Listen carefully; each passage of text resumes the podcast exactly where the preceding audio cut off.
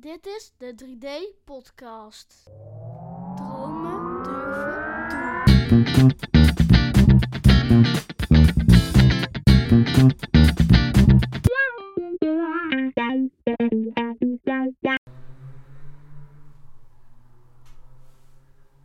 Zo, daar zit ik dan. Podcast nummer 5. Ondertussen heb ik hier de telefoon en hebben live verbinding eh, via Facebook. Ik zet hem even neer. Oké. Ik ga hem even neerzetten zo.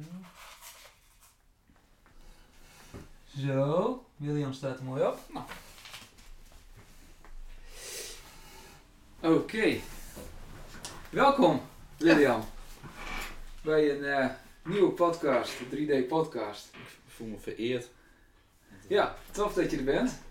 Ik heb jou ooit ontmoet eh, op de promotiedagen. Volgens Ja. mij is dat alweer twee jaar geleden. Ja, dat is 2018, Ja, november. daar, eh, ik was thuis, weet ik nog. En ik eh, krijg altijd mail. Ik ben wel vaker bij de promotiedagen geweest.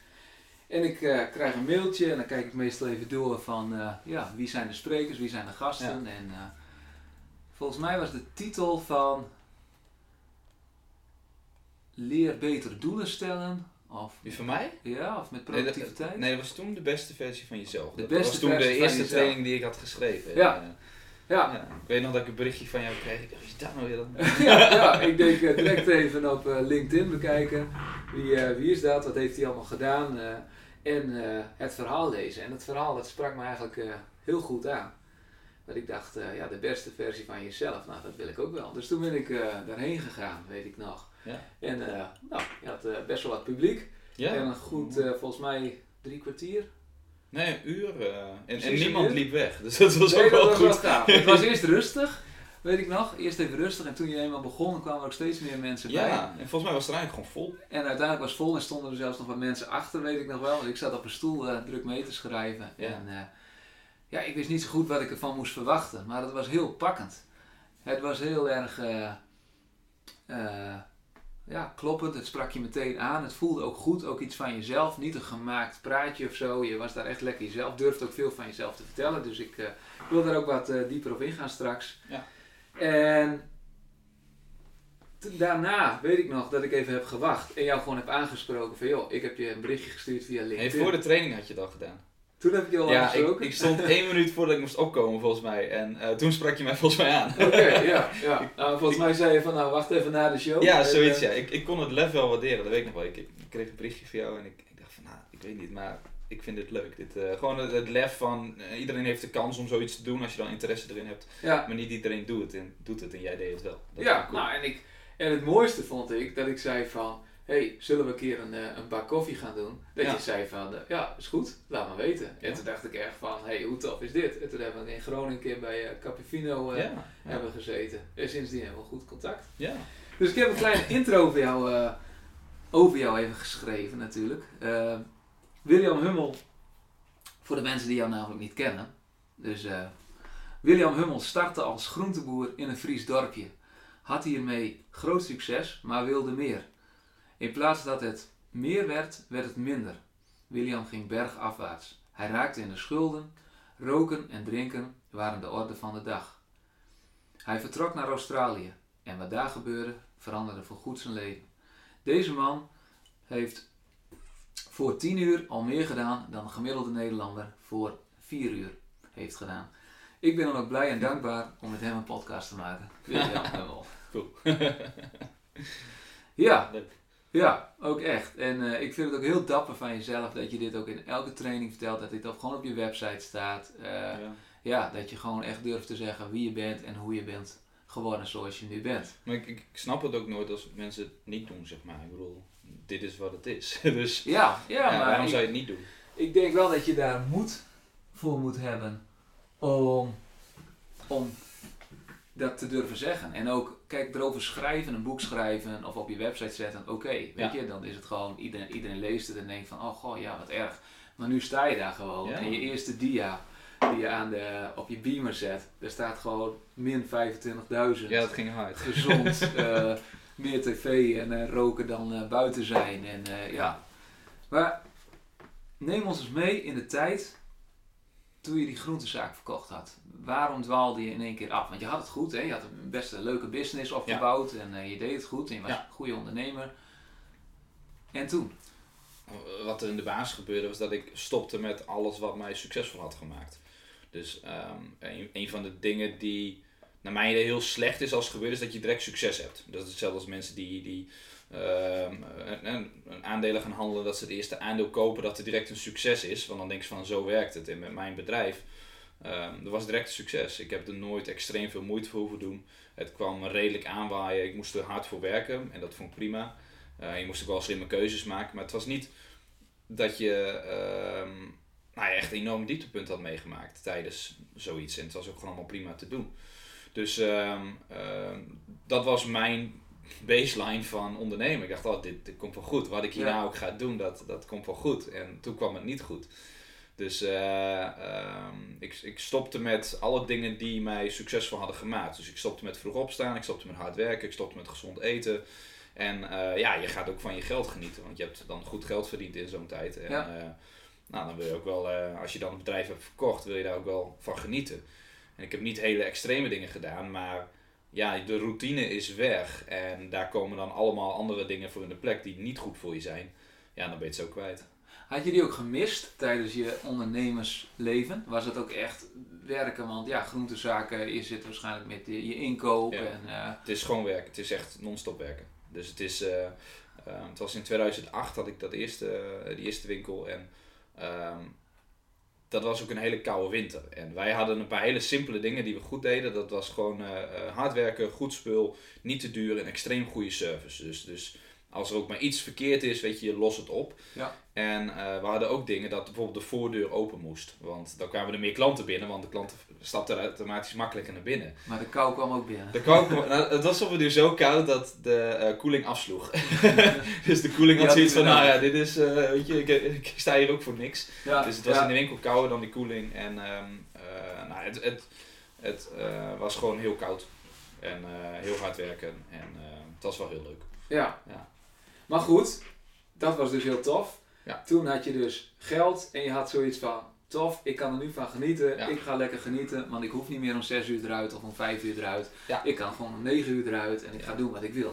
Ja. Alleen, daar miste je dus het stukje van eh, de routine van ja, gezond blijven voelen. En waar, doe, waar sta ik eigenlijk voor op? Want dat had je niet echt meer een, een, een, een reden voor. Dus. Nee, het, het hoefde niet meer. Kijk, ik had ondertussen wel een nieuw bedrijf gestart. Dat was, we wilden een webapplicatie opzetten, een soort random chat. Ehm, maar daar hadden we uiteindelijk niet genoeg eh, nou, middelen voor om dat van de grond te krijgen. Alleen, ehm, als ik niet vroeg opstond, dan was de winkel niet open. Maar als je geen winkel meer hebt, ja, dan kun je gewoon blijven liggen, want de gevolgen zijn er niet. Nee. Dus ehm, als iets moet, en dat is ook een, eh, een van de vragen die ik volgens mij jou zag, eh, eh, had je online gezet van en waarom kunnen sommige mensen wel vroeg opstaan en sommigen niet. Ehm, het verschil zit erin dat je als, je, als het moet, ja, dan doe je het wel. Dus als jij naar, om drie uur s'nachts naar Schiphol moet, ja, dat doe je wel, want je gaat waarschijnlijk iets leuks doen. Ja, ja je hebt het doel hè. En dus dan is het van, oh, drie uur s'nachts, oh, geen probleem, dat doen we wel. Maar als het niet hoeft, als het niet belangrijk genoeg is, ja, dan blijf je gewoon liggen. Dan Ja. verlies je dat gevecht van de wekker. Ja, Dus dat heb ik toen meegemaakt van, ehm, al, die, al die dingen, heel veel dingen hoefden niet meer. Hè. Je hebt een leuke spaarpot, eh, ik had een leuke auto, ik had een huisje en ik had eh, heel veel vrienden. En, en ehm, ja, dan is het, de druk is er wat vanaf. En Ja. dan eh, ga je er ook wat meer in de sleur komen. Ja. Ja. En ja, wat je ook vertelt in je training, op een duur zat je echt op een dieptepunt. Hè? Je had een behoorlijke schuld. Ja. je had echt zoiets van, het gaat gewoon niet meer goed. Mhm. Naar welke, ja, toen vertrok je, want jouw familie, je familielid wonen in Australië. Ja. En je besloot van, ik moet hier weg, ik moet een uitvlucht. eh. Nou, het, ik heb daarna nog een ander bedrijf gehad. Ik heb nog een winkel gehad. Eh, dat was een winkel ook met groenten en fruit, maar ook nog met kaas en wijn erbij. En die ging heel slecht. Die heb ik echt binnen 10 maanden gesloten om erg te voorkomen. En eh, toen ben ik op een dag thuisgekomen en toen was het echt van, ik, ik kan niet meer. Het was, het was klaar. En eh, ik zei van, ik zit er helemaal doorheen. ja. Eh, het, het, het, ik vind het niet leuk, het levert geen geld op, het is allemaal negativiteit. Ik kom steeds verder achterop, ik kan niet vrij ondernemen. Ik, ik moet hiermee stoppen, ik moet mijn verlies pakken. En toen heb ik dat gedaan. En toen was ik in contact met mijn zus, die woont in Australië. En ze eh, gezegd van, ja, waarom kom je niet hier? Ik, ik hoor het haar nog zeggen. Ja. En dat triggerde mij van, ja, waarom ook niet? En, Je had niks eh, te verliezen. Nee, ik, ik had niks te verliezen en een heleboel te winnen. Want en je kunt eventjes de tijd nemen om na te denken. Maar daar is genoeg werk. En hier, ja, ik kan hier wel aan het werk bij, weet ik veel, ik kan wel vakkenvuller worden of hamburgers draaien. Maar Ja. ehm, daar was veel meer werk en eh, dat betaalde ook veel beter. En daar kon je enigszins de kosten dan mee nou ja, eh, voor elkaar krijgen Ja. en ook wat gaan terugbetalen. Dus ehm, eh, toen ben ik daar naartoe gegaan. En, nou, wat, hè, want je, je zegt dus hè, inderdaad werk en, en ik was het zat. Ja. Nou, welke antwoorden was je op zoek? Eh, welke, Want je ging daarheen. We gaan ondertussen krijgen we even een. Gaan we in een. Even achter. Komt muziek tussendoor. Dromen, durven, Zo. doen.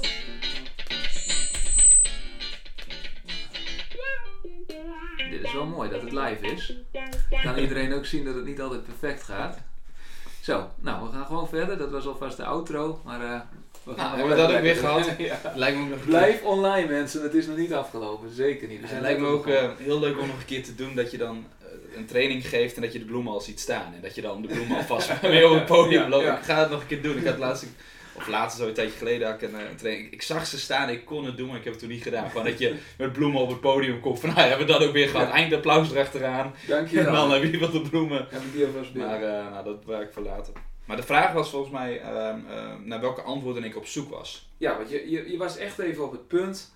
ehm, ik zit er doorheen, Mhm. ik wil dit niet meer, ik, ik, wil, ik wil de andere kant op, maar Ja. die, die lag ook niet even 1, 2, 3 voor de hand. En toen belde je zus van, kom naar Australië. Dus ergens was er iets in de lucht gegooid van, hé, hey, kom maar even hier, eh, neem die uitvlucht. Ja.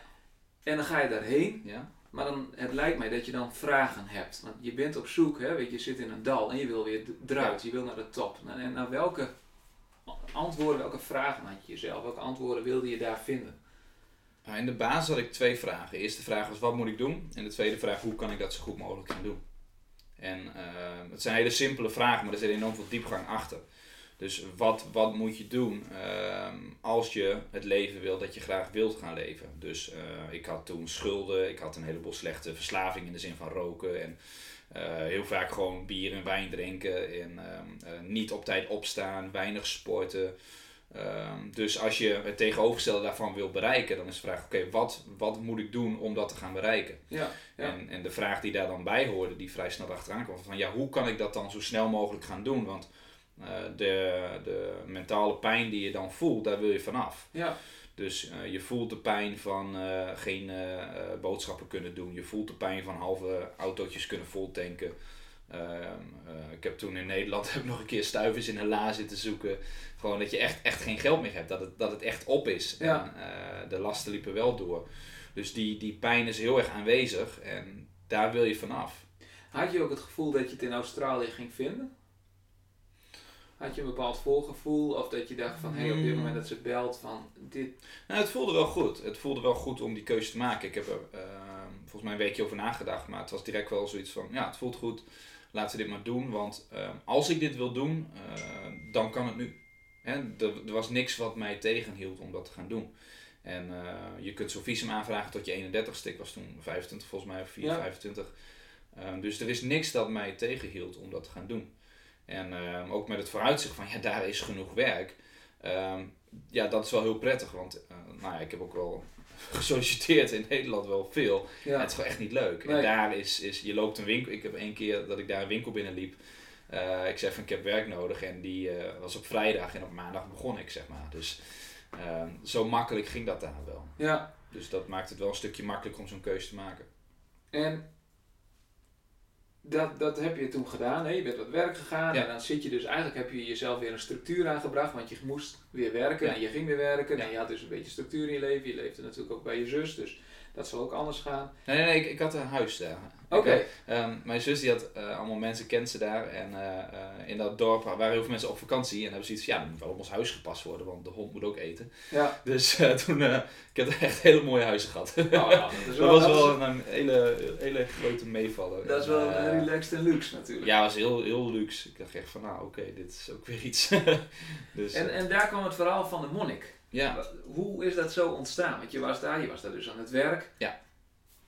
Hoe is die monnik in jouw leven gekomen? Ehm, nou, die monnik die begon, ehm, als je eh, gaat ondernemen, dan kom je vroeg of laat een keer mensen tegen die je niet zo leuk vindt. En eh, eh, mijn idee wat ik in mijn achterhoofd altijd hou, is dat er gewoon in je hele leven kom je zeg maar 10 tot 12 of een, een, dozijn mensen tegen die gewoon echt super vervelend zijn. Ja, En eh, als je dan zo eentje tegenkomt, is van, nou, weet je, dit is er eentje. ja, ja. En, eh, nou, toen was er één en eh, ik wilde daarmee leren omgaan. Want ik wilde in ieder geval, hoe vervelend de situatie ook is, ik wilde er zelf geen last van hebben. Ja. Dat je in ieder geval zelf nou, volwassen genoeg daarmee kunt omgaan.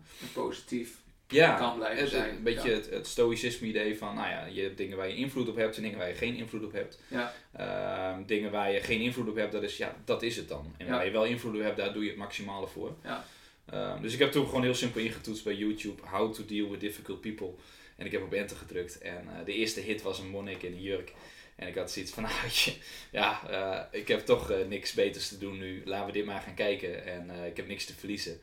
En nou, ik had niet verwacht dat ik het filmpje van een uur zou uitkijken.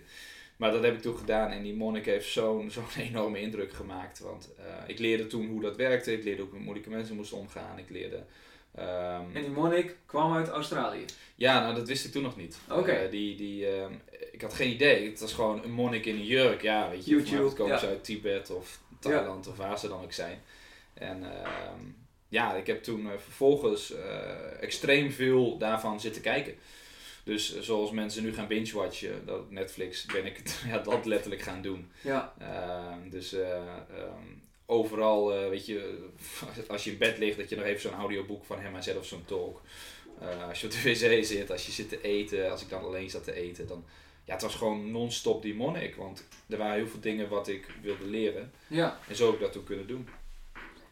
En, maar toen wist je nog niet dat hij dus daar woonde, want jij hebt hem ontmoet. Ja, ja, klopt. eh, ja. Maar hoe is dat zo gekomen dan? Want, Nou, want je, was een beetje- ja, je keek steeds meer filmpjes van hem en dan, word je, dan raak je geïnspireerd. En- Ja. Nou, op een duur had ik zoiets van, ehm, ik weet niet hoe we dit gaan doen, maar op een dag ga ik je ontmoeten. Dat was het idee, zeg maar. Eh, op een dag ga ik jou gewoon bedanken voor alles wat je mij hebt geleerd. Ik, ik, ik weet niet op welk punt dat was, maar ik denk dat ik, weet ik veel, een paar honderd uur van die man had gekeken in een paar weken tijd. eh, een paar maanden tijd, denk ik. eh, en op een, ik kwam op een punt dat ik dacht van, nou ja, ik ga je gewoon ooit in echt bedanken, want ehm, je hebt zoveel voor mij betekend. Ehm, maar ik wist niet of die leefde, ik wist niet waar die zou zijn en of die wel erop zat te wachten dat ik hem kwam bedanken. Ja. En eh, ehm, toen ben ik op een duur, eh, was ik in Australië en toen viel ik in slaap, in oordopjes in en luisterend naar die monnik, een hele oude iPod had ik meegenomen. En toen hoorde ik hem de stad Perth zeggen en, en dat is een stad aan de westkust van Australië. En ik dacht, dat kan niet, dat is een beetje zo slaapdronken, dat je dan, ken je dat gevoel? Dat je Ja, ja, ja. ja, bijna in ja. slaap eh, ligt. Ja. En eh, ehm, toen hoorde ik hem dat zeggen en ik dacht, ja, dat kan niet. Dus eh, voordat ik het ook kon terugspoelen, zei hij het nog een keer. En ehm, toen dacht ik van, nou, dit, dit, ja, dit zal toch niet waar zijn, dit, dit kun je niet voorstellen. En eh, toen ben ik, eh, het was volgens mij 11 uur 's avonds, wat ik me herinner in ieder geval, toen ben ik uit bed gesprongen, laptop open gedaan. En gaan zoeken of er een klooster zat in die stad. En dat zat er. En eh, de, ehm, nou ja, die nacht kon ik niet slapen. Ik was gewoon helemaal van, nou, dit, dit ga ik Ja. niet menen. Want ik, ik, ik zat daar en ik had het gewoon niet door, zeg maar. Ik, ik dacht van, nou, dit zal wel heel mooi zijn. Ja. Dus ochtends vroeg opgebeld en echt met trillende handen de telefoon. En ik had toen Na dat klooster. ja, ik heb een klooster opgebeld. Van, Ja. ja, ja, want ik, ja, ik bedoel, als hij daar zit, ik zou hem gaan ontmoeten. En maakt me dan niet zoveel uit wat ik er dan voor moet doen. Maar veel te vroeg gebeld om 8 uur 's ochtends of zo. En ik- wist niet dat monniken om 3 uur opstonden, maar dus het was voor hun al bijna middag. En ehm, eh, toen heb ik ze opgebeld. Gezegd van ja, hoi, eh, nou, mijn naam is William Hummel. Is, is, eh, ja, sorry dat ik zo vroeg bel, maar is Asjan Braam er ook? Want nou ja, zo en zo, ik, ja, ik wil hem graag bedanken. En eh, toen zei ze, zei ze nee. Ik dacht, ja, weet je, dat had ik ook wel een beetje verwacht. Want, eh, Ja, tuurlijk. en uh, nou, ik was echt uh, een klein beetje teleurgesteld. Maar voordat dat echt doordrong, toen zei ze van nee, Asjan Braam die woont in Serpentine. En ik dacht van, ah, maakt me niet uit waar dat ligt. Ik heb nog niet doorgevraagd waar dat dan was. Ik heb gewoon gezegd, oh, dankjewel. Toen heb ik opgehangen. Ja, gewoon ja, best wel lomp. Ja. Maar en toen, toen had ik besloten van ik heb geen geld. Ik heb geen, kan niet extreem ver weggaan of zo. Maar ik weet dat hij leeft. Ik weet dat hij in Australië is. Ik, ik ga hem gewoon, voordat ik terug ga, ga ik hem bedanken. En eh, ehm, nou ja, Australië is eh 220 keer zo groot als Nederland. Ja, dat is wel een reis, ja. Als mensen zeggen van ik breng je wel even terug, dan eh, kan het gewoon een uur zijn dat je terug moet rijden. En, ehm, maar toen kwam ik er eh, achter dat dat klooster op 20 minuutjes rijden van mijn woonplaats zat. En eh, ik was heel verbaasd. Ik dacht echt, dit, dit, dit verzin je niet. En, eh, maar het was waar en ik heb hem opgebeld en eh, een andere monnik nam op, of een, weet ik veel wat dat, wie dat was. Maar, Ja, ja, de hoofdmonnik. eh, de hoofdmonnik. hij, is de, hij is de hoofdmonnik. en ehm, ehm, ja, toen bleek hij daar te zijn. En eh, ik heb direct gezegd van, nou ja, wanneer kan dat dan? En het komt de volgende dag al. Dus ik, heb, eh, ik werkte toen bij de supermarkt volgens mij. Of in ieder geval, ik heb toen vrijgenomen en ik zei, ja, ik ga daarheen. Ja, dus toen ben ik direct heen gereden en eh, eh, de netste kleren aangetrokken wat ik had. was echt niet best. Eh, driekleurige auto, dus zeg maar groen en lichtgroen van de zon en roest. En ehm, ja, weet je, ik was doodsbang van heel onzeker van ja, wat gaan er hier gebeuren? Want ja, Ja. ben je wel eens op een klooster geweest? Ja, volgens, ja, vroeger wel, maar dat is inderdaad wel een beetje ja, spooky-achtig. Ja, van, eh, eh, stil moet je zijn en iedereen kijkt heel erg bedrukt of heel in rust. Dat je echt denkt, er komt juist een blije hond aan. Ja, dus, dus je weet ook niet echt wat je kunt verwachten. Nee. Laat staan in het buitenland. En eh, dat klooster was ook best wel, het was best wel indrukwekkend. Want het lag niet alleen in een groot bos, maar dat bos stond op een hoge berg. Dus nadat je een kwartiertje over de weg rijdt, eh, moet je linksaf de berg op met je autootje. En die berg die is best wel hoog. En ehm, ja, op een duur begint er een muurtje te vormen aan de, aan de rechterkant van de weg. Ja, En dat muurtje wordt steeds hoger, hoger, hoger. En dan, dan kom je in één keer bij een hele grote poort. Ja, en als je dan die poort doorrijdt, dan rij je in één keer het klooster binnen. En je hebt dus geen idee wat je kunt verwachten. Ik was ook verbaasd dat ze een telefoon hadden. En dan, dan kom je daar in een wereld waar gewoon eh kangoeroes redelijk relaxed rondlopen. Ehm, later heb ik nou schorpioenen gezien. Eh, een heel groot meer was er. Allemaal super mooie vogels.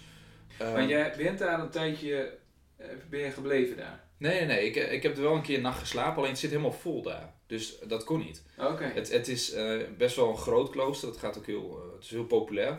ja. Daar kwam ik ook achter. Maar het is echt een hele grote community, zeg maar.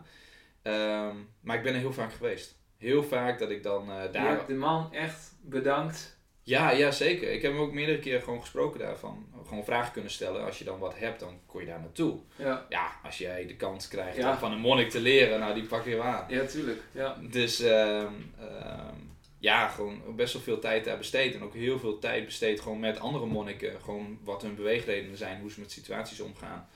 En echt zo extreem veel geleerd. Dat, ja, daar kan geen school tegenop, zeg maar. Ik heb daar een, een- om volgende vraag te stellen. Waarom is het zo moeilijk uit een lastige situatie te komen? Want ik bedoel, dat, dat in jezelf dan te veranderen. Ja. Je ziet het vaak, wat je zegt, je routine kwijt. Je hoort mensen wel die zeggen, ja inderdaad sinds eh, social media er is, zit ik er heel veel Ja. op. Of ik heb op het werk, eh, word ik heel vaak gestoord. Eh, dat kan ook al een lastig. Het hoeft niet altijd met schulden, maar dat kan ook of met je familie of vrienden andere verwachtingen hebben. Je groeit. En je komt, iedereen, hoe dan ook, komt in een lastige situatie. Mhm. En het is ook goed, want anders zou je nooit leren. Maar waarom is het zo lastig om daaruit te komen? Wat is... Er zijn meerdere redenen voor. Een van de dingen is dat ehm, de meeste mensen hebben gewoon niet glashelder wat ze wel willen. Dus voor de meeste mensen die, die ervaren een pijn, dat kan de pijn zijn van eh, ontslag of de pijn van eh, overgewicht of de pijn van relatieproblemen. En ehm, ehm, de meeste mensen weten dan niet glashelder wat ze dan wel willen. Vervolgens hebben ze meestal niet een heel goed plan om dat te bereiken. En dan weten ze ook niet hoe lang het al zal duren. Dus ehm, het is heel moeilijk, ook omdat je in de meeste gevallen in de eerste paar weken tot maanden niks merkt. Dus als mensen bijvoorbeeld gaan afvallen, eh, ik, vergelijk het altijd met het, het, het pompen naar olie, zeg maar. Als jij, of naar water zou ook kunnen. Als ze vroeger een waterput gingen maken, dan moesten ze eerst zo'n put in de grond maken en dan moesten ze heel hard pompen om dan die waterdruk op gang te krijgen. Ja, En dat kun je vergelijken met, hè, als jij gaat, wil gaan afvallen bijvoorbeeld, eh, dan moet je echt best wel radicaal wat dingen gaan veranderen. Eh, het kunnen wel kleine dingetjes zijn, maar de snacks moeten er bijvoorbeeld uit of wat meer gaan sporten. Maar daar merk je niet zo snel heel wat van. en je bent de volgende dag niet direct drie kilo kwijt. Nee, eh, dus de beloning duurt veel langer. Dus de reden dat het heel moeilijk is om voor mensen om eh, te gaan veranderen, is dat ze een periode door moeten dat je gewoon niks merkt. Dus ehm, in mijn geval, ik had schulden. Ehm, ja, als je van de grote bult aflost, daar merk je niks van hoor. Pas als de bult weg is, of als je over de helft zit, of weet ik veel, dan begint het interessant te worden. Ja. Ehm, dus als jij eh, eh, gaat pompen naar water, zeg maar, de eerste paar weken ben je keihard aan het pompen en je krijgt een heel klein stroompje water. Ja. En dat is het punt waarop veel mensen afhaken. Dat ze denken van, dit werkt niet, laat maar zitten. Terwijl ze hebben het gevoel dat ze hadden moeten werken dan dat de beloning hun Ja, komt. Maar Ja. dat, dat is ook zo. Die beloning die, die duurt. Die duurt heel lang. Alleen het is onmogelijk als jij continu keer op keer goede dingen blijft doen, dat, dat je geen beloning daarvoor krijgt. Ja. Dat, dat is onmogelijk. Ja, Maar die beloning komt wel, alleen die duurt veel langer. ja, Dus als je doorzet, meestal tot het punt van 1 tot 3 maanden, of hè, laten we zeggen 6 tot, eh, 6 tot 12 weken, ehm, dan begin je te merken. Hè, dan zit in één keer een broek wat losser, of dan eh, kun je in één keer, weet ik wel, als je gaat fitnessen, wat meer kilo's doen, of begin je het echt te zien. Ja. Dus als je dan blijft doorpompen, dan krijg je een hardere stroom. Vervolgens heb je dan, dat noemen ze momentum, heb je dan opgebouwd. En het enige dat je dan nog hoeft te doen is te blijven pompen op een rustige manier, zodat je het in stand houdt. Dus dan, de eerste periode is puur gewoontes aanleren. Het is puur keer op keer maar weer de acties uitvoeren van, nou, ik zeg nee tegen een snack. Of ik eh, ga een, eh, weet ik veel, een half uur overwerken. Of eh, ik ga me extra goed voorbereiden. Of ik ga wat extra vriendelijker zijn voor mijn vriend of vriendin. Eh, maar daar merk je in het begin niks van. nee, En dat is de reden dat heel veel mensen, nou ja, eh kijk naar goede voornemens. De meeste zijn eh, voor februari afgehaakt. En Ja. dat is precies omdat ze nog geen resultaten zien nee. in een maatschappij waarbij je in heel veel gevallen direct beloond wordt met, ja, weet ik veel, het random reward op Facebook bijvoorbeeld of op Instagram. Je ziet dat meldingje van, ik heb een melding en je drukt erop en je krijgt direct een beloning. Ja, ja. Instant gratification. Ja, en of het nou goed is of slecht, meestal is het dan, ja, iemand vindt iets weer leuk.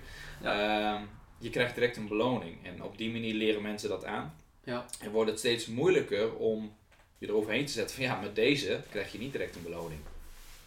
Wat ik ook wel fijn vind, en dan, eh, wat ook wel helpend is, tenminste voor mij, dat je dan, dat je dat ook deelt. Hè, net wat ik tegen jou zei, jij- dat ik het ook moedig vind voor jou om te delen. Hè, dat je dus uit die situatie komt. Ja? Maar als je al in zo'n situatie zit, is het helemaal niet verkeerd om dat gewoon te delen en je plan te delen. Hè. Dat zeggen ze ook wel eens van, goh, heb je een plan voor afvallen of Ja. wil je wat aardiger in je relatie zijn. Deel het maar met wel de goede mensen natuurlijk.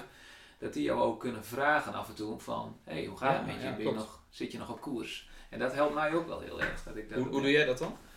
Nou, als ik, eh, als ik een challenge aan wil gaan. Ik heb jouw boek bijvoorbeeld gebruikt en daar hebben we ook een paar keer tussentijds contact over Ja. gehad. Ik heb het ook met iemand anders gedeeld. Ik ken ook iemand die dat boek ook gebruikte. Dus Ja. dan ga je toch vragen van, hoe doe jij het? En Ja. heb, eigenlijk voel je je wel eens schuldig als je een week overslaat. Hè? Dus wat je zegt, je hebt niet direct die eh, beloning. Of je denkt, oh man, dan moet ik nog van vier dagen weer terug in gaan vullen. Dus ik ben ja. aan het boekhouden. Ja. En precies wat je zegt. ehm, het, het dankbaarheidsmomentje, wat ik in de ochtend deed, Ja. doe nog steeds. Ik had, toevallig op Facebook zag ik een jaar geleden een fotootje van een glas water dat ik om 6 uur ochtends buiten zet. En toen dacht ik, ja, daar ben ik al meer dan een jaar mee bezig. In Ja. het begin denk je echt, je voelt je gewoon een beetje dommig, omdat Ja. je met een glas water voor het raam staat te staren, s ochtends vroeg. Terwijl je denkt van, of ik had nog langer kunnen blijven liggen, of ik had gewoon wat anders kunnen doen en weg kunnen gaan. Ja. En nu, pas veel later merk je dat je rustiger wordt, of dat je echt eh, in een goede vibe komt en dan Ja. pas weggaat. Niet meer moe bent van het opstaan, maar gewoon dat je in een goede vibe zit. Ja, en dus, maar als je dat dan ook deelt en iemand zegt, hé hey, wat tof, of hé hey, hoe gaat het ermee, of Ja. ja, ja ik merk het ook, Ja. dat, dat motiveert, nou ja, dat, of dat, ja, dat motiveert om door te gaan. Nou, het doet ook meer, want het, eh, het werkt ook als een soort ehm, accountability. Hoe zeg je dat in het Nederlands? Een soort eh, Verantwoordelijkheid. verantwoordelijkheid. Eh, hè, dus, dus als jij zegt van dit is wat ik ga doen, ja, Ja. dan kun je niet meer terug als het uit de fles is, zeg maar. Dan Ja. is het gewoon, eh, ja, je hebt toch gezegd dat je het ging doen. Ja. Ehm, en plus wat jij zegt, inderdaad, mensen kunnen rekening met je houden. Dus ze weten waarom jij keuzes maakt. Ze weten als jij bijvoorbeeld zegt van nou, ik wil om zes uur opstaan, ik noem maar wat. Dan ga je om tien uur, half elf ga je naar bed. En dan krijg je niet elke keer de vraag van waarom doe je dat? Ja, nee. Of eh, als je minder wil snacken, dan gaan ze jou niet extra snacks aanbieden. En snappen ze het als jij voor, de andere keuze ma- eh, voor een andere keuze maakt. Ja. Ja, en het is ook dat mocht het mislukken, heb je Ja. het wel gedaan. En kun je ook tegen de ander, en als je een goede vriend, vriendin hebt of een goede partner, wat Ja. die zegt ook van hé, hey, top. En dan ga je de volgende challenge aan. Want failure is niet erg, Nee. maar je hebt het wel gedaan. En als je het voor jezelf houdt, dan is het sneller van, ach ja, zal ik er wel aan beginnen? Ach, weet Ja, je, precies. Als ik het toch niet vertel, nou laat ik vandaag wat doen en dan doe ik morgen wel weer wat minder of zo. En dan, En dat is ook het leuke aan het stellen van een doel, dat zelfs als je het niet haalt, dat het je alsnog veel verder brengt. ja, Ja, dus. Ik, ik had het doel om de, eh, de eredivisie te bereiken van beachvolleybal. Nou, dat was voor mij echt een enorm hoog doel, want eh, ik ben niet heel groot en eh, er waren andere, de concurrentie is best wel groot. Ehm, maar ik ben toen tot de eerste divisie gekomen. Alleen het heeft mij zoveel verder gebracht dan dat ik niet eens aan was begonnen. Dus ondanks dat ik het niet heb gehaald, heeft het me zoveel gebracht qua conditie, qua mensen die ik heb ontmoet, op welke stranden ik heb mogen spelen, plekken die ik heb gezien. Dus en, ja, ja. brengt het je alsnog heel veel meer en heel veel structuur en discipline. Nou, ik wou net zeggen, je brengt je in een structuur Ja. en, en daarmee Ja. eh, programmeer je hersenen ook om, om ergens voor te gaan. En al haal je dan niet het einddoel, de reis er naartoe is. eh, ja. Ehm, gaaf, leuk. Even kijken. Even nog weer terug naar die reis. Daar was ik nog even nieuwsgierig naar van. Wat is je het meest bijgebleven van die reis? Naar Australië. Hè? Want eigenlijk, heb je, als ik het even in een, in een grafiekje zie. Je ging naar een top, je ging naar een dal, je kwam daar en Ja. langzamerhand ging je weer omhoog. Ja. Totdat je dus het YouTube filmpje opende. En de man dus in het echt hebt gesproken. En dat had, ik in Nederland al gedaan. Zeg maar. In Nederland had ik het YouTube al bekeken. Oké, dat oké, was acht, Dat- maanden voor de vlucht. Dus ik wist toen nog niet eens dat ik naar Australië zou gaan. Dus zeg maar uit mijn hoofd 2012 of 13. eh, als ik het terugreken heb ik dat in februari ongeveer gekeken. Ja. En ehm, toen eh, eh, in september, 11 september vloog ik. Dus ik, ik had geen idee. Ik heb gewoon het filmpje gekeken en ik ga je ooit bedanken. En nou ja, ik, het ging iets sneller dan verwacht. Ja. Ja. Maar wat is je het meest bijgebleven van daar? Ehm, Want eigenlijk was daar het kantelpunt, als ik het goed begrijp. Het kantelpunt Ja. van de ik ga weer bergopwaarts. Letterlijk. Ehm, ik denk dat, het, dat dat meer een beetje een eh, rustperiode is geweest daar. Dus ik heb wel heel, heel veel gewerkt daar ook om centjes te verdienen. Ja. Ehm, maar ja, dat is, dat is wel. Ja, ik denk dat je, dat je dat wel goed zegt, dat dat inderdaad het kantelpunt is geweest. Maar het was wel gewoon een redelijk stabiele lijn, zeg maar. Het was niet dat het nog verder naar beneden ging daar. Maar wat me het meeste is bijgebleven, ehm, sowieso de heenreis. Want ik had ontdekt dat 11 september nu statistisch de meest veilige dag is om te vliegen. dus alles, alle maatregelen zijn extreem aangescherpt. En, en toen durfde nog niemand te vliegen. Dus het vliegtuig zat een kwart vol. Extreem goede service. Het was rustiger op het vliegveld. En, eh, dus dat, dat is me sowieso bijgebleven. En Ja. eh, toen... toen eh, ehm, ik heb een haai gevangen. Dat, dat was wel een dingetje. Ik dacht van, dat wil ik altijd al een keer doen. Dat is toen gebeurd. Die monnik sowieso. Ehm, ik weet niet of dit echt één extreem moment is geweest. Het waren meerdere, gewoon meerdere momenten. En het is de hele sfeer ook daar. Het, het is zo anders dan hier. Ehm, het- je hebt daar overal bergen. Je hebt daar overal kangoeroes in je voortuin. Je hebt daar elke dag zon. Ja. Je hebt ja. daar ehm, heel veel mensen die echt extreem veel roken, drinken en tattoos hebben. Ze lijken heel veel op Amerikanen daar. En ehm, het, het is gewoon zo anders. Het, het is zo absurd. Maar het heeft je wel goed gedaan dus. Even, echt Ja. even op pauze gedrukt. Ja. Daar even ontspannen. Goed nagedacht. Ja. eh, gedachten weer op orde. Wat waren de eerste gedachten toen je weer in Nederland kwam? Kun je dat nog herinneren? Je stapte uit het vliegveld. Voelde je ook... Nou, ik, ehm, ja, dat weet ik nog wel. Ehm, ik, had toen, eh, ik was toen eh, teruggevlogen en dat duurde allemaal heel erg lang. Het is natuurlijk een dag vliegen. Ja. En toen op een duur, toen kon ik de hele tijd niet slapen. Dus toen heb ik heel veel borrels genomen. Ik heb heel veel shotjes besteld. Ik zei tegen die steward van... Ik zei, ja, ik ben doodop. Ik kan niet slapen. En ik kon de nacht voor vertrek ook al niet slapen. En eh, ik zei, ik moet een paar borrels hebben. Want dan ga ik in ieder geval knock-out. En dan kan ik gewoon slapen. Dus dat heeft hij toen gedaan. Ik zie hem nog aankomen met, met vijf van die whiskyflesjes of zo. En ehm, toen... ehm, toen eh, ja, dan loop je gewoon half lam het vliegtuig uit. en toen mijn ouders die stonden daar, en die waren natuurlijk dolblij dat ik, er, eh, dat ik weer terug was en dat ik niet daar was gebleven. En ehm, toen kwam ik thuis en toen stond ik op het punt om naar bed te gaan. Eh, dat was tien uur s'avonds of zo, zoiets kwam. Ik weet niet exact, maar toen stonden mijn twee beste vrienden stonden daar. Dus toen zijn we daar nog de hele nacht mee opgebleven. en ehm, eh, ja, toen was het wel tijd om, eh, om eh, de boel op orde te Ja, krijgen. daar was ik een beetje naar op zoek. Had Ja. je echt zoiets van, ik stap nu op de new ground. Ik, ik heb mijzelf voorgenomen, dat was Ja. wat het was. Ik heb ervoor geleerd, ik ben er dankbaar voor. Maar nou gaat William, het heeft- William 2.0. Het heeft wel een paar weken geduurd, want het is wel dat je thuis weer even moet wennen, maar op een duur is het klaar. Op een duur eh, was het klaar in de zin van, eh, eh, het was tijd om de boel op orde te maken. Dus wat ik toen heb gedaan, dat is een van de, eh, als, als er mensen dit luisteren en die hebben schulden, ehm, een van de moeilijkste dingen die ik toen heb gedaan is een financieel overzicht gemaakt. Eh, gewoon billen bloot van oké, ehm, hoeveel zijn de schulden, wat is alles bij elkaar. Ehm, ik weet niet of ik dat eind Australië heb gedaan of net dat ik terug was, maar ik heb het toen gedaan. En ehm, eh, ook gewoon eens voor het eerst mijn vaste lasten in kaart gebracht. Van hoeveel komt er binnen? Wat zijn de vaste lasten? Hoeveel doe ik aan boodschappen? Wat kost mijn telefoontje? Wat kost eh, onderhoud van, weet ik veel, de auto of wat dan ook was? Ja, Ehm, en toen kwam ik tot de conclusie dat ik best wel in de problemen zat.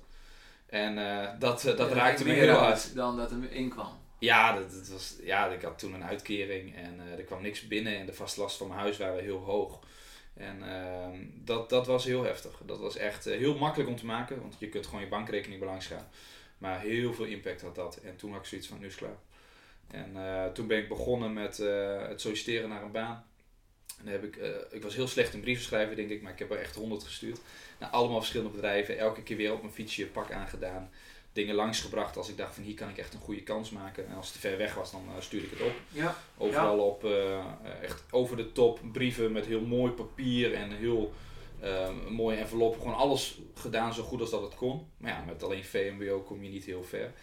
Dus eh, ehm, uiteindelijk vond ik een baan. En toen heb ik tegen mezelf gezegd van nou ja, ehm, ik ga alles eraan doen om binnen no time die schulden af te lossen wat er nog over was. En toen heb ik dat een berekening gemaakt voor 18 maanden. Dat bleek 19 maanden te zijn. Ik had één maand misgerekend denk ik, maar eh, Ja. toen was het klaar. toen was het klaar. Ja, ik heb toen 18 maanden lang eh, eh, gewoon non-stop, nou, zoveel mogelijk gewerkt. Ehm, toen heb ik heel veel gesport erbij, disciplines van eh 6 uur opstaan opgepakt. dingen als koud douchen, gezond eten, snacks aan de kant. Ehm, gewoon Gewoon nieuw zelf, Ja. helemaal. alle, alles wat ik kon doen, ehm, vooral door zelfonderzoek ben ik gaan doen. Maar ik heb het ook wel inzichtelijk gemaakt. Mensen zeggen wel eens doe zelfonderzoek. Maar eh, een structuur van of een financieel overzicht maken voor jezelf. Ja, je kunt gewoon een Excel openen en dat invullen. Ja, En dan, ja. nou, hoeveel komt er nu binnen? En dan kun je gewoon een prognose maken voor twee jaar vooruit. En ik gebruik dat nog steeds. Eh, tot op de dag van vandaag, gewoon elke maand check ik van, hey, gaat dat goed of gaat het niet goed? Ja. En ehm, dat heb ik ook gedaan voor, voor hoeveel tijd heb ik in een week, hoeveel uur zit er in een week. Ja, en toen begon het balletje te rollen van, oké, ik heb best wel veel controle over mijn leven als ik maar bereid ben om er werk voor te doen. Ja, en eigenlijk begon, begon daar ook je nieuwe switch voor je carrière. Want je vond het, hè, dus, dus je wist wat het was om in de shit te zitten, om Ja. uit de shit te komen. Ja. Maar je hebt ook bestudeerd, hoe kan ik dat doen? Want hè, je hebt eh, het stukje misschien nu overgeslagen, maar je bent enorm veel boeken gaan lezen. Je bent eh, seminars gaan volgen, meer YouTube. Om, je, om, om eigenlijk het beste uit jezelf te halen. Ja, ehm, dat had ik inderdaad niet gezegd. Ik ben om mijn 18e gezakt voor de HAVO. En eh, toen had ik zoiets van, ja, ik wil niet dom blijven. En ik was slim genoeg om te beseffen dat ik niet dom wilde blijven, zeg maar. Ja, dat is punt Dus- 1. Dat is wel handig. En ehm, ik heb toen ongeveer eh 500 boeken gelezen door de loop der jaren heen. Eh, ook niet allemaal uitgelezen, maar wel gewoon eh, de context ervan begrepen. En sommige boeken, het eerste boek was Kofi, ik zag hem bij jou in de kast staan. De zeven eigenschappen van leiderschap. Ja. Ik snapte er helemaal niks van. Maar ik heb toen 18 maanden erover gedaan om hem uit te lezen. En eh, ik, ik snapte het niet en nou, dan ging ik het opnieuw lezen, weer opnieuw en aantekening erbij. En eh, ik zag laatst oude kladblokken die ik had. Dus ik heb echt ja, extreem veel tijd besteed aan educatie in plaats van entertainment. Dat is ook een van de dingen die ik noem in mijn trainingen.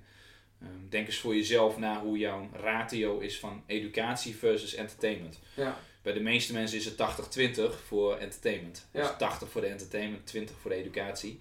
Eh, ik ben dat radicaal gaan omdraaien toen. Dus vrijwel alle dingen eruit. Eh, televisie kijken ging ik niet meer doen.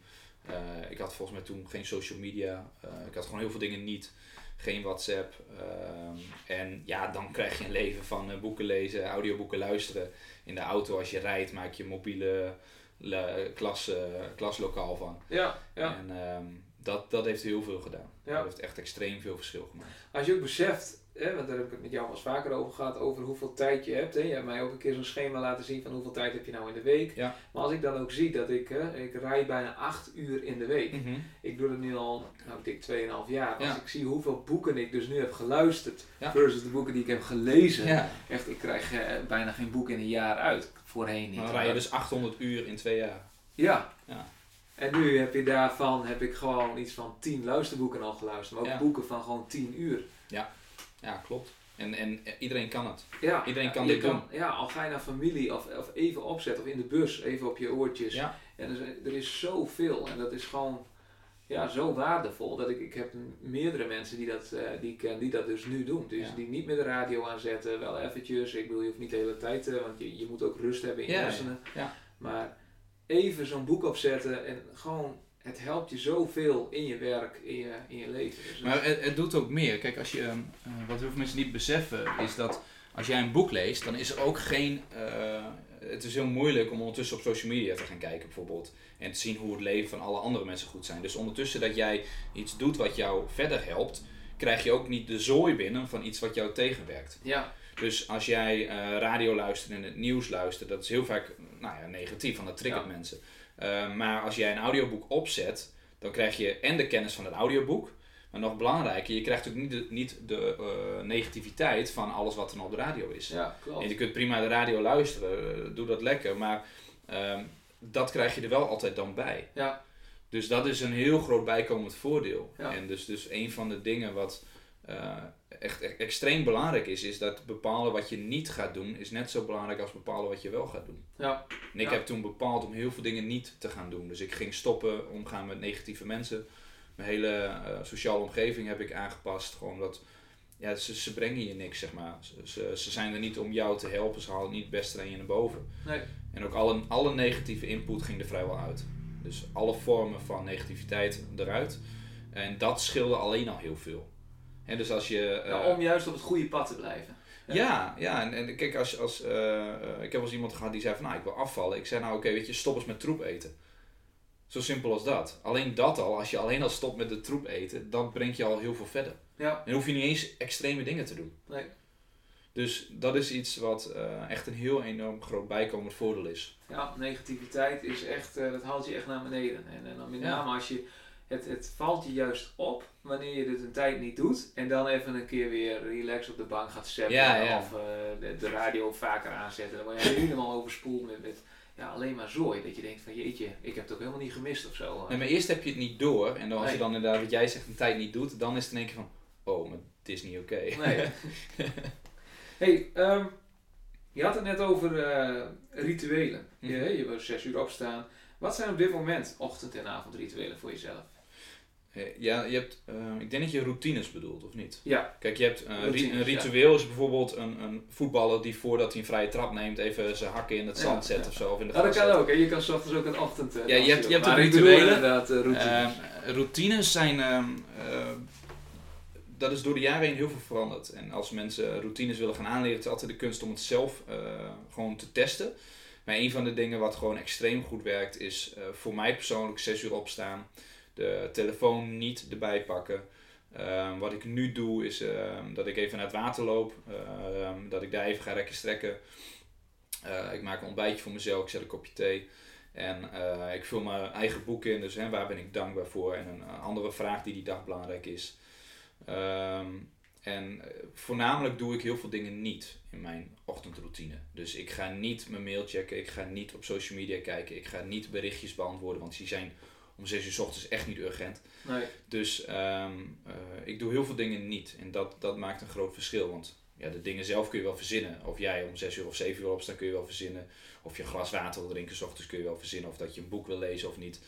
Ehm, maar eh, nu bestaat het daar dus uit. Dus opstaan, naar het water lopen. Ja. En dan ehm, eh, wat ik altijd doe is dat ik even uitschrijf hoeveel tijd het kost. Dus dat je zegt van nou, je, je kleren aantrekken. Nou, ik ben een man, kleren aantrekken is twee minuten. Eh, ik vind dat wel prima. Of dat je zegt van nou, je tanden poetsen twee minuten. Of eh, het ontbijt maken tien minuten.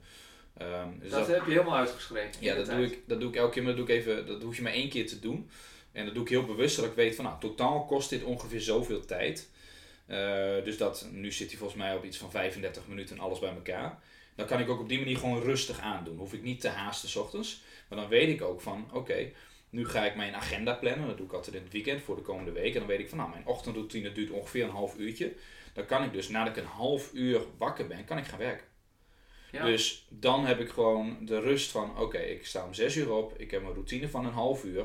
Dan kan ik dus om half zeven kan ik aan de slag. De wereld slaapt nog en ik kan dingen doen die ik voor die dag wil gaan doen. En daarom geeft het je ook rust. Dat is ook een reden waarom eh, Steve Jobs eh, en eh, de, de beste man van Facebook, ben zijn naam even, even kwijt, maar Zuckerberg. ja, Mark Zuckerberg inderdaad, alleen maar in het zwart gaat. Want dan hebben ze 's ochtends geen keuzestress. Nee. Dus er hangen gewoon tien overhemden of eh kooltruitjes eh, in het Ja. zwart en een broek. En die doen ze aan. En dan... Maar ik vind het wel grappig dat je hem, dat je hem hebt berekend. Want, want dat is wat je zegt. Als je van tevoren berekend bent wat de tijd kost, dan weet je ook Ja. dat je altijd dan aan het werk Ja, gaat. het is Want jij gaat echt al heel vroeg, hè? want ik zei het al in de intro, dat jij, je hebt het ook wel eens tegen mij gezegd, ik, ik krijg meestal in vier uur al af wat een ander in een dag afkrijgt. Ja, ongeveer is- drie, drie uur ongeveer. En dat is puur omdat jij gewoon al je dag eigenlijk heb jij al gepland. Je hoeft niet meer te denken, oh shit, ik moet dit en dat nog Nee. doen. En wat jij zei klopt heel erg. ehm, je hebt geen keuzestress. Dus als ik ochtends een routine heb, ik weet wat ik moet doen. En die routine verandert wel, je gooit wel wat dingen Tuurlijk, uit. Maar ehm, het is een routine die in je voordeel werkt met als doel om klaar te zijn om het werk te gaan doen dat je een half uur later wil gaan doen. Ja. Of als je een kwartier boek wil lezen, maak je er drie kwartier van. Ehm, het gaat ook niet om de tijd wanneer je opstaat. Dus als jij dit om 8 uur 's ochtends wil doen, dat kan ook. Maar ehm, ik plan mijn agenda altijd van tevoren. En het enige dat ik dan hoef te doen, is mezelf eraan te houden. En Ja. dan heb je dus gewoon een heel makkelijk leven. Want je weet van tevoren van, nou oké, ik heb een doel, ik heb een boek geschreven. Ehm, nou, eh, wat moet ik doen voor dat boek? En daar zit wel een hele structuur achter van hoe ontdek je dan wat belangrijk is. Maar eh, zodra je dan weet wat het is dat je moet gaan doen, ja, dan hoef je het alleen maar te doen. En het voorkomt dus ook keuzestress. Dat je denkt van, ah shit, ik moet dit nog doen, ik moet dat nog doen, ik moet dat nog doen. Waar heel veel mensen dus dagelijks mee zitten. Maar als jij gewoon weet van, oké, ik doe nu dit, daarna doe ik dat, daarna doe ik dat en daarna doe ik dat. En dan is mijn dag voor 90% klaar. Dan hoef je alleen maar eraan te houden op het moment dat de tijd daar is. Ja, En dan heb je dus geen keuzestress en kun je meer focussen op wat je moet doen. ja, ja, mooi, mooi. Ehm, nou heb ik natuurlijk honderd vragen opgeschreven die, waarvan je natuurlijk ook al heel wat hebt beantwoord. Oh. Ehm, je geeft training, stukje over jezelf. Je geeft training, je hebt een boek gemaakt en doet coachsessies. Ja. Hè, want dat is eigenlijk een beetje het hoofddoel wat je doet. Ja, Wat vind je het leukst om te doen? Trainingen. Training vind je het leukst om Ja. te doen? En waarom?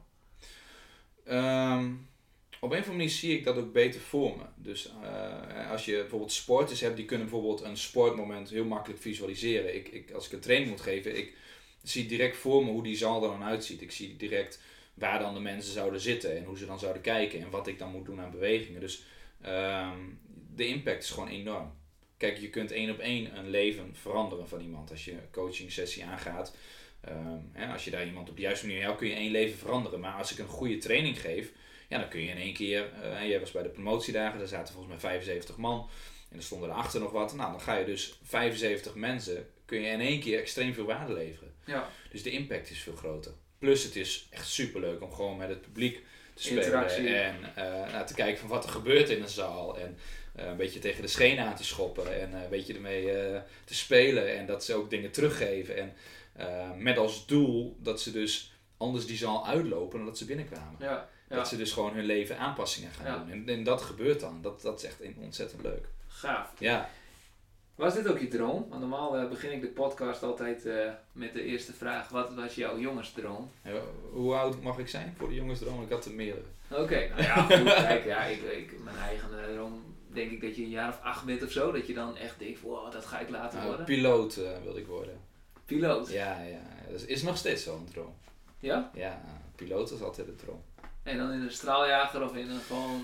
Ja, straaljager, dat, dat leek me wel heel cool. Alleen ik word best wel snel misselijk al om een schommel, zeg maar. Dus dan denk ik ja, niet dat dat doorgaat. Nee, Ik heb ook wel eens zweefvliegen gedaan. Dat ik toch echt mijn hele rug onder de zweet eh, zitten. En, ja, ehm, nee, ja, piloot is altijd het doel. Dat is altijd de droom. dat was echt... Ja, en, en, en ik, toen ik voor het eerst in het vliegtuig zat, was ik 12. Toen vloog ik voor het eerst naar Australië toe. En dat maakte zo'n impact. En, en dat bevestigde toen wat ik wilde worden. Dat was echt gaaf. Dat was Ja. echt... eh, Cool. Ja, ja, was heel cool. Maar dat is niet wat je nu dus uiteindelijk doet. Nee, En dat is wel een beetje waar je in bent gegroeid, denk ik. Ja. Dat meer je, is het dan meer je missie dan je droom? Kan ik het dan zo goed zeggen? Ja, ik denk het wel. Ehm, ik denk dat, kijk, vroeger wilde ik ook op mijn achttiende getrouwd zijn. dat is nu ook niet zo. Nee, dus eh, ik denk dat die dingen veranderen en ehm, eh, ik moest ook gewoon realistisch zijn. Ja, ik ben gezakt voor de HAVO, ik heb alleen VMBO. Ja, Ja, dan word je geen piloot. nee. Dus dan het hoogst haalbare dan is eh, amateurpiloot worden. En ik heb al uitgezocht hoe dat dan moet. En dan moet je allemaal lessen nemen en dat, dat kan dan alsnog. Maar ehm, daar maakte je naar mijn idee niet zoveel impact mee. En ook met de skillset die ik heb, ben ik beter af op een podium dan in een cockpit. ja. Dus Ja. daar ga je dan ook naar kijken van... Nou, wel tof. En dat, mooi ook dat je daar dan hè, het succes in, eh, in boekt. Want een van je trainen is eh, maximale productiviteit in de 21ste eeuw. Ja, klopt. Kun je heel in het kort vertellen wat, dat, wat dat is? Want je hebt net verteld over je beste versie van jezelf. Ja. Nou, daar hebben we het eigenlijk al heel lang over. Hè? Want dat heb je nu verteld Ja. en hoe je dat doet. En nou heb je deze training ontwikkeld. Wat, wat, Nou, jij begon met de vraag van welke, naar welke antwoorden was je op zoek. En toen zei ik van, eh, ik ben op zoek naar wat moet ik doen en hoe kan ik dat zo goed mogelijk gaan doen. En eh, de beste versie van jezelf beantwoordde de vraag van wat moet ik doen. En dat, dat zit in die training van wat moet ik nu doen als ik eh, de beste versie van mezelf wil worden. ja, De training maximale productiviteit in de 21ste eeuw, die beantwoordt de vraag hoe doe je dat dan? Dus hoe ga je in een tijd vol met afleiding en vol met allemaal mooie dingetjes die je zou kunnen doen, hoe zorg jij ervoor dat je dan zo snel mogelijk dat doel kunt bereiken op een gezonde manier, dat je zelf wel gelukkig blijft? Dus daar gaat die training over. En eh, wat ik daarin uitleg is een hele simpele structuur van, oké, eh, laten we er even vanuit gaan dat je een doel hebt en dat die ook wel redelijk helder is van, nou, dit wil ik bereiken. ja, Eh, dan kun je een structuur door van hoe je dat dan doet. En iedereen kan dit. Sommige dingen moet je een beetje leren. Maar ehm, voor mij was het gewoon van ja, ik heb iets wat ik wil bereiken. En ik ga er niet op wachten. En laten we maar beginnen. ja. Het, het idee van we kunnen het erover hebben, maar we kunnen er ook wat aan doen. En dan kies ik altijd voor doen. En deze training geef je één keer in zoveel tijd. Hè? Die kunnen mensen... eh, Ja, het, verschilt eh, als je gewoon openbare evenementen hebt, wat er nu niet is. nee, nee. Ehm, dan, eh, ja, dan sta ik gewoon op events en dan kunnen mensen meestal zelfs nog gratis langskomen. Ehm, als je in company bij bedrijven bent, ja, dan heel vaak betaalt het bedrijf dat. ja, Dus eh, dan kunnen ze jou inhuren. ja, en eh, er is nog wel een idee dat ik straks in de toekomst dan een eigen event zou doen. Ja. Dan moet even kijken hoe dat dan nu verloopt, zeg maar. Ja, Maar ehm, ja, dat je gewoon een kaartje ervoor kunt kopen en dat je een heel dagprogramma krijgt. Eh, Juist, dat is wel het idee, ja. Ehm, dan je boek. Ik heb je boek eh, vorig jaar gedaan. 100 dagen hard gaan. Hoe, ten eerste, hoe kwam je op dit idee? Ehm, Was dit na je trainingen dat je dacht van ik ga een boek maken of ik Nou, eh, het was eigenlijk eerst puur voor mezelf. Ehm voor mezelf ben ik best wel lui, dus ik had een structuur nodig waar ik me aan kon houden. Ehm, en die structuur moest bestaan uit iets waardoor je ook gelukkig blijft. Nou, dat is het stukje dankbaarheid. En ehm, ik begon met systemen te ontwikkelen van, ja, ik, ik wil iets bereiken, maar ik wil het ook kunnen meten of ik op de goede weg zit.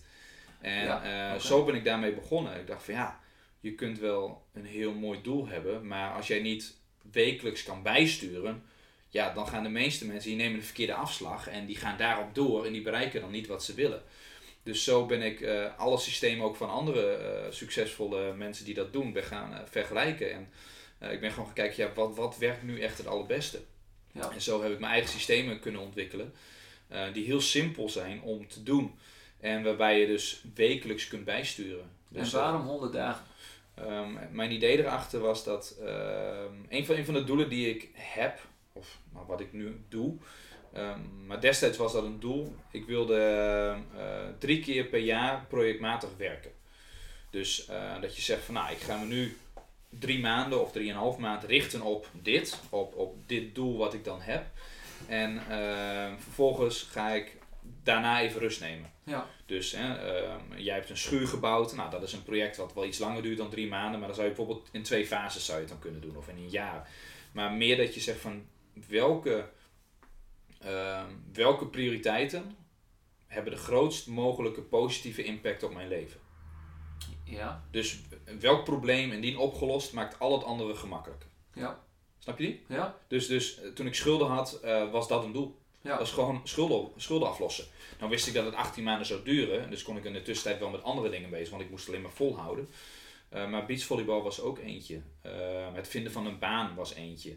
Nu hebben we net een ander huis. Dat is een doel geweest. De relatie met mijn vriendin onderhouden. Dat is een doel geweest. En dan is het eigenlijk ehm, dat je 100 dagen hebt gedaan, Ja. omdat je dan zegt van nou, dan zit ik op drie maand.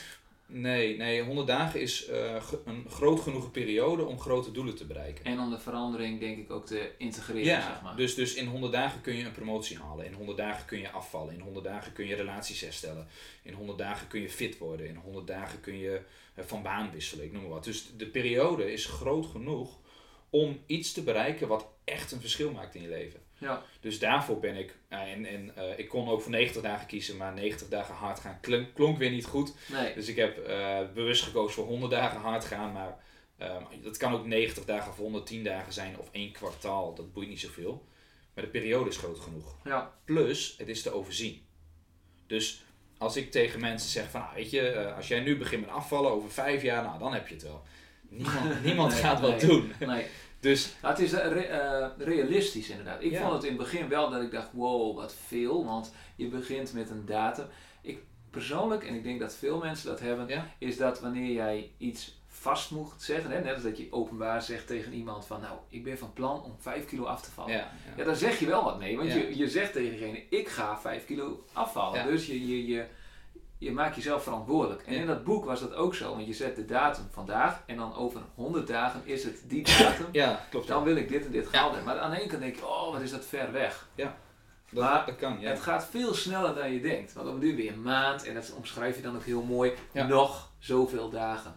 Dus het gaat ook sneller dan je denkt. En je hebt inderdaad, wanneer je iets heel snel wil, gaat het nooit lukken. Want dan heb je heel snel, red je wel iets. Hè? Je Ja. hardlopen, nou, je gaat de eerste week drie keer. Ja. Dan krijg je spierpijn en kan je een keer niet. En is, je gaat het weer, is slecht. En dan denk je, ach weet je, laat maar, komt volgende week wel. Nee, maar eh, het is ook inderdaad, de impact is dan te klein. Als jij een kilo afvalt, of bijvoorbeeld, dat, daar red je niet zoveel mee. Eh, hè, of als jij een keer eh, een tientje in de maand extra verdient, daar verandert je leven ook niet mee. Dus je kunt de impact heel groot maken. Ja. Plus alles is gebaseerd op echt kleine dingetjes. Dus de kleine, simpele dagelijkse dingetjes. Er is niks drastisch dat je hoeft te doen in de zin van, je hoeft niet in één keer je hele leven om te gooien zoals ik destijds een keer heb gedaan. Ehm, die, die, die keuze om te veranderen was heftig, was gewoon oké, nu is het klaar. Ja, Maar de resultaten zijn gekomen door kleine keuzes. Door, door kleine dagelijkse dingen. Dus dat ik denk van, eh, oké, ik rookte toen. eh, nou, we gaan dat afbouwen. En eh, ik ga binnen, zorgen dat ik binnen drie maanden gestopt ben. Alcohol was gewoon, oké, vijf van de zeven dagen in de week drink ik geen alcohol. Eten bestellen. Ik mag één keer in de maand eten bestellen. Eh, chocola eten, ik noem maar wat. Nou, oké, we doen dat naar één stukje per dag.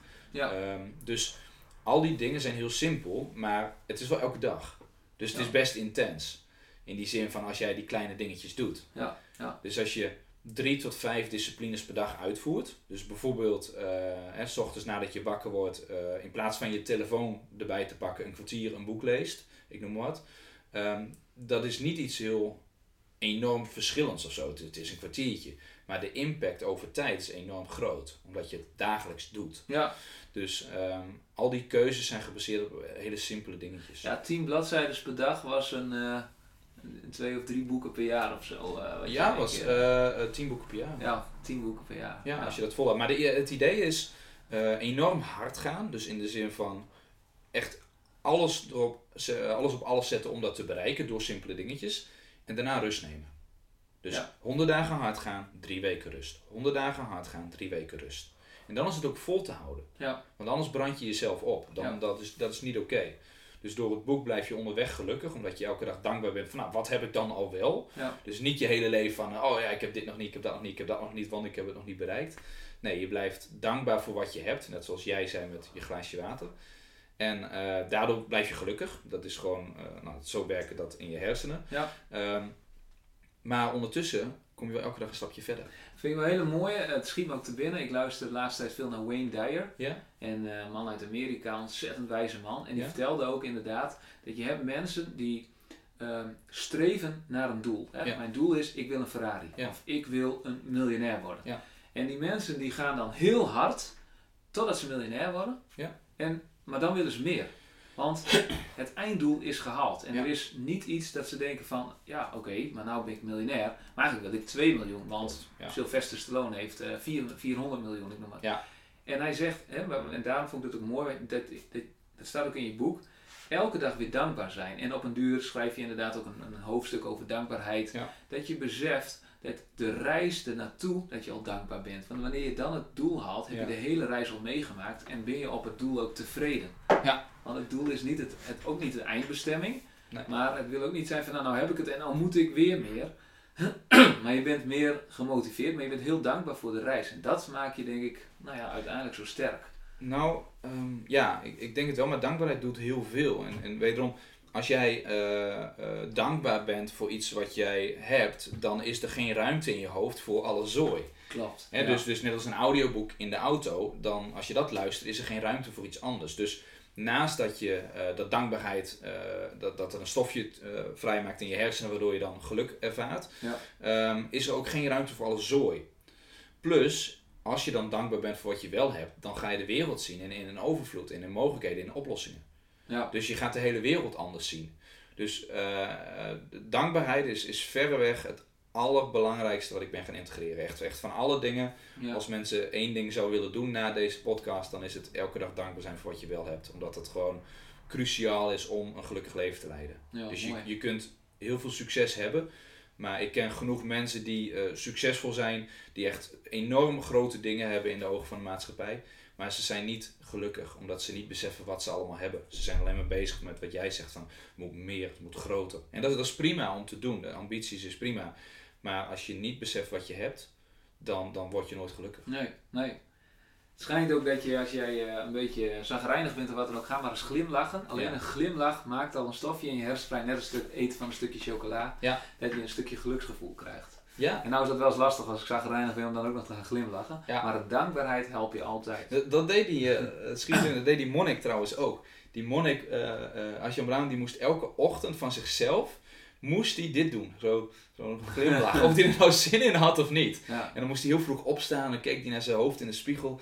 En dan werd hij niet blij van, maar hij moest van zichzelf, moest hij die glimlach doen. En zo is hij een hele blije monnik geworden, zei hij. Mooi hè? Ja, gewoon om, zichzelf te dwingen van, ik, ja, ik heb geen zin in, maar ik doe dit. Half vier eruit. Eh, ja. hey, we zitten al op een uur. Het gaat hartstikke leuk. Ehm, wat zou jij op dit moment, hey, eigenlijk noemde je het net al, maar, maar misschien kun je nog concreet zeggen, aan de luisteraar mee willen geven? En dan bedoel ik hè, even over de focus en, Ja. de, en productiviteit. Hè? Want je zei net al een hele mooie, wees dankbaar. Eigenlijk al Mhm. in welke situatie je al bent, moet je eigenlijk al dankbaar voor zijn. Hè? Want, want ja, overal leer je van. Maar wat, wil, het is wat wel- wil jij meegeven? Het is wel goed om af en toe pissig te zijn, dat is prima. Alleen Ja. eh, begin je dag gewoon met dankbaarheid. Dat, dat is eh, eh, cruciaal. Dus, dus dat, dat, eh, mensen die dat doen, ja, die worden gewoon gelukkiger. Dat, dat kun je niet omheen. Ehm, de vraag is wat ik mensen zou willen meegeven van wat ze zouden kunnen doen. Qua focus, qua productiviteit, toch? Ja, ja, gewoon op dit moment, als jij nu eh, in een minuut eh, de luisteraar een, een, een advies wil geven van Ja. hè, vanaf morgen sta je op en mensen willen altijd productiever zijn of gefocuster zijn of, of nou ja, hun, hun doelen helder hebben. Ehm, ja, het komt aan op het, eh, op het aanleren van een paar vaardigheden. vaardigheden. Dus één van die vaardigheden is de vaardigheid om te kunnen concentreren. Dus ehm, nu- is het heel makkelijk om afgeleid te raken. Dus vroeger keek je bijvoorbeeld als je naar televisie keek, dan keek je gewoon een serie en dat was het dan. Er was geen telefoontje die je ondertussen erbij kreeg. Nu gaan mensen op YouTube scrollen en is het de aandachtspan wat is het, 75 seconden of 3 minuten of wat dan ook. Ehm, maar de vaardigheid aanleren om te kunnen concentreren. Dus om te kunnen focussen. En focus draait om nee zeggen. Dus zodra je weet wat het is dat je wilt gaan doen, eh, zeg nee tegen 90% van alle dingen die daar niet toe leiden. En de vaardigheid om te kunnen concentreren betekent heel simpel: je gaat zitten, je zorgt dat je afleidingen geminimaliseerd zijn. Je weet wat het is dat je wilt gaan doen. Dus als je bij een computer zit, eh, dat je gewoon weet van dit wil ik gaan doen. Ja. Eh, voor mij zet je een koptelefoon op. En als je dit voor het eerst gaat doen, zet een timer erbij. Dus een, een simpel klokje. Het liefst niet je telefoon, want dan kan die voor afleiding zorgen. Ehm, en je meet hoe lang je kunt werken zonder dat je afgeleid raakt. Dus ga gewoon eens zitten. Test het dus voor jezelf uit. Zet een timer. En op het moment dat jij denkt van nou, nu ben ik het zat. Dan pak je de timer erbij en check je die tijd. En de kunst is om die tijd naar 90 minuten te krijgen. Of 2 uur. Dus ik begon hiermee, kon ik een kwartiertje werken, was ik het zat, had ik echt geen eh, zin meer om te werken, was ik heel snel afgeleid, geen Ja. frustratie. Ja. Dit is trainbaar. Net zoals fitness is trainbaar, dit is ook Ja. trainbaar. Als je dit kunt in een wereld vol met afleidingen, kom je veel verder dan de rest. Dus zodra je de vaardigheid hebt om gefocust te kunnen werken, daarom eh, om op terug te komen, hoe kan ik om 10 uur s ochtends meer gedaan krijgen dan de meeste mensen? Dat komt omdat ik in twee blokken van 90 minuten werk. That's it. Dus ik sta om 6 uur op, half 7 ga ik werken, ik werk tot 8 uur. Dan neem ik een half uur rust en dan is het half 9 en dan werk ik nog een keer anderhalf uur. Een blok gefocust op de allerbelangrijkste prioriteit of de, de actie die ik daarvoor moet doen. Ja. ja. Ehm, zonder afleidingen. Dus geen e-mail, geen belletjes, geen eh, eh, social media, geen telefoon, gewoon niks. Wat er dan gebeurt is dat je in flow komt. En dat is wellicht iets voor een ander, onder, andere keer. Maar ja, eh, flow is de hoogste productieve staat. Dan krijg je het werk gedaan. Dus in die twee keer anderhalf uur kun je, als je dus je niet laat afleiden, wat extreem moeilijk is, ja, ja, zeker. maar wel trainbaar, dan kun je dingen heel veel gedaan krijgen. En dan kun je dus in de meeste gevallen, even afhankelijk van je werk, hè, als jij een, een, een bouwvakker bent, is het wellicht ietsje lastiger. Maar ook dan kun je werken in blokken van 90 minuten, gevolgd door 30 minuten rust. Eh, kun je veel meer gedaan krijgen. Tof.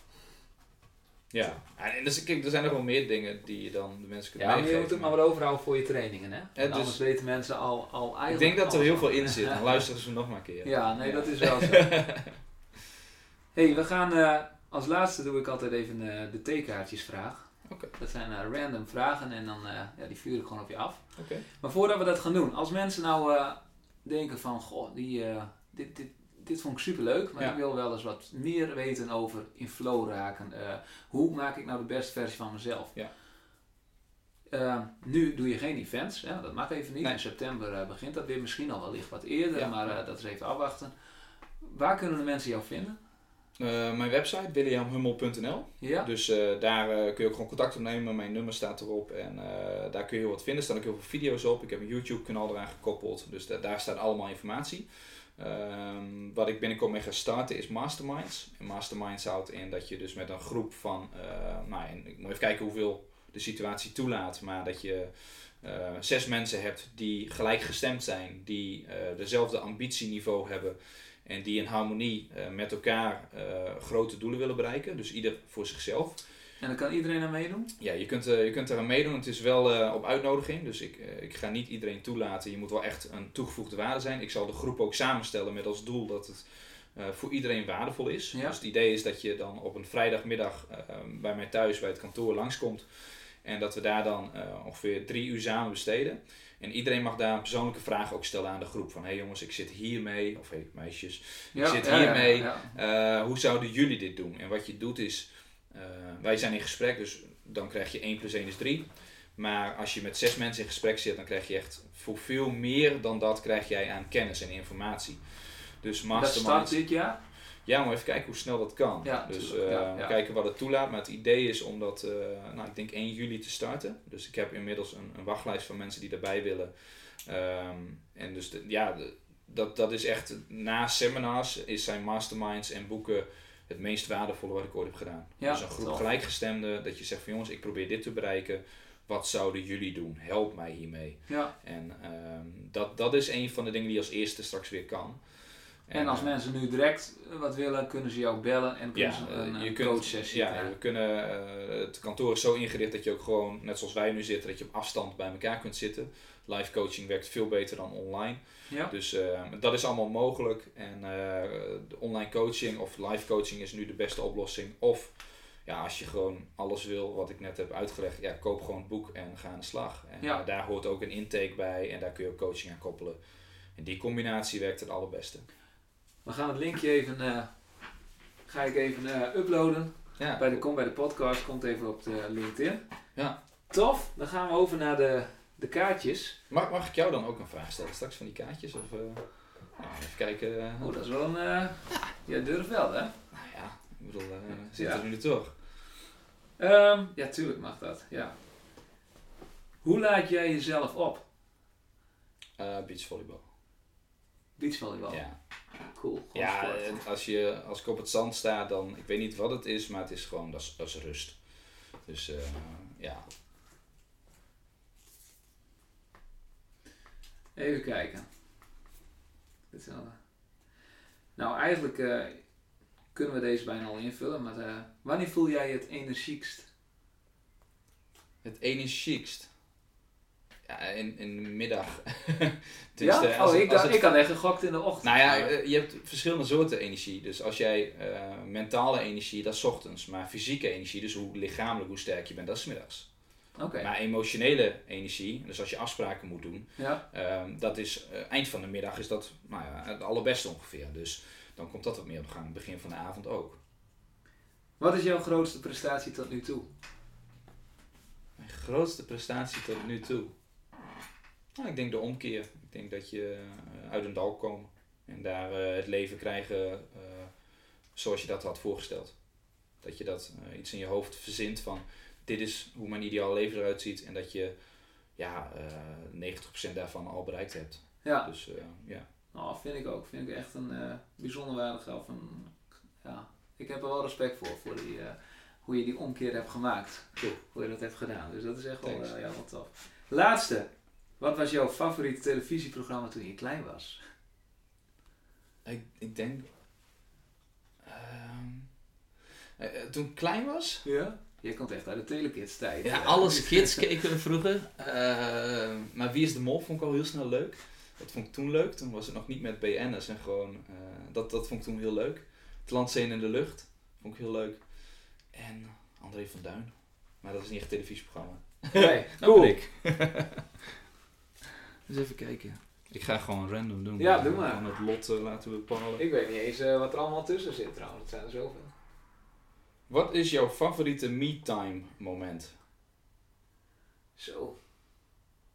Dat is een mooie vraag. Dat is als iedereen hier de deur uit is. Ja? En vooral als ik een drukke week heb gehad. En ik, ik heb wel meerdere me Maar echt een me-time momentje is voor mij iedereen de deur uit. Huis voor me alleen. Ja? En dan op YouTube muziek eh, opzoeken. Ja? En even met de gitaar zelf meespelen. Ja? Ja. Dat is echt, dat vind ik echt. Ik heb wel gehad, dan ging Erasmus naar een, eh, een vergadering. En ik had dan allemaal plannen. Dacht ik, oh dan ga ik even met die een biertje drinken of afspreken. En dan kwam het er niet van. En ik moest dan nog afwassen en dit en dat doen. En dan bleef ik gewoon achter die laptop zitten met de gitaar. En op duur kwam ik gewoon achter dat het gewoon al donker in huis was. Echt? Ja, dan was ik helemaal, ja, dat was over flow gesproken. Dus dat ik Cool. echt helemaal in flow. Ja. Wauw. Dus dat was echt, eh, ja, dat, dat vind ik echt wel heerlijk. Hoe vaak doe je dat nu dan? Nou, dat doe ik niet heel vaak. Maar als het jouw favoriete me-time moment is, ja, dan doe je dat toch het liefst zo vaak mogelijk. Ja, maar dat zeg ik. Ik heb, dat zijn, dat, ik heb wel meer me-time momentjes. Dus een, een goed gesprek vind Ja. ik ook heel lekker. Ja, klopt. Maar het is met name dat ik...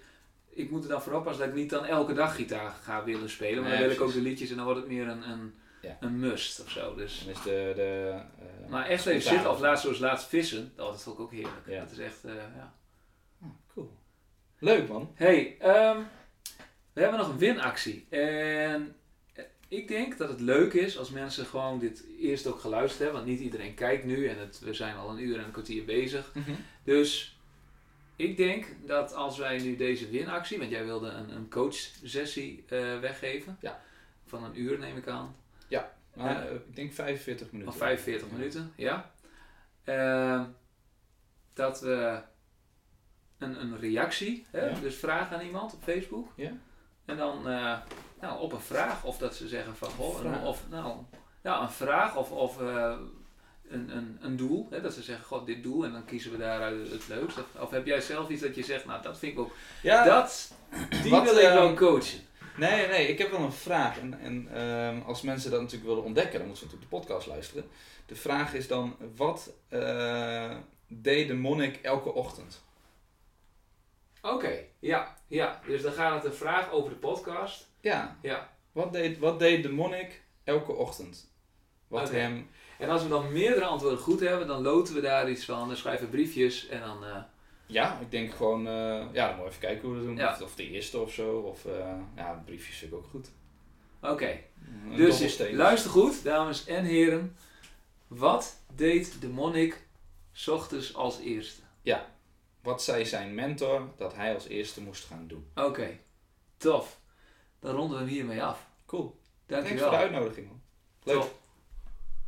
Zo mensen, wat was dat een gave podcast met William Hummel. Ik hoop dat jullie net zo hebben genoten als ik dat heb gedaan. En hopelijk hebben jullie er wat van geleerd. En je weet, hij wil een eh, gratis sessie weggeven.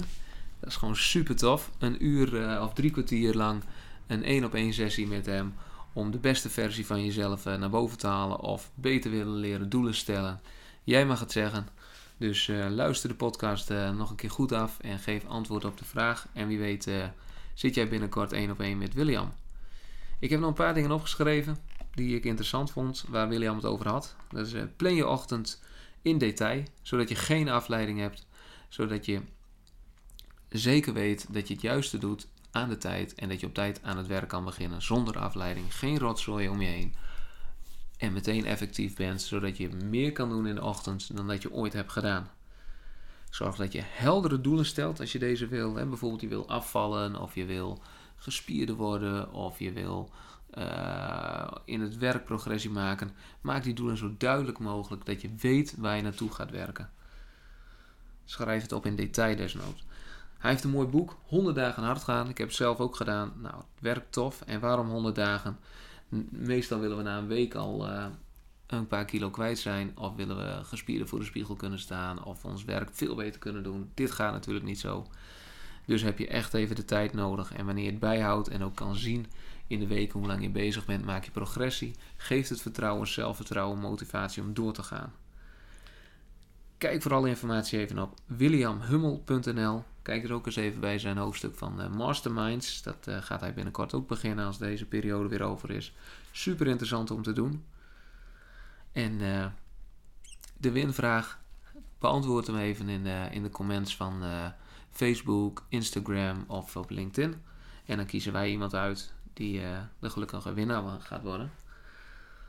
Dan sluit ik altijd af met mijnzelfde zinnetje. De volgende keer eh, zie ik jullie graag weer.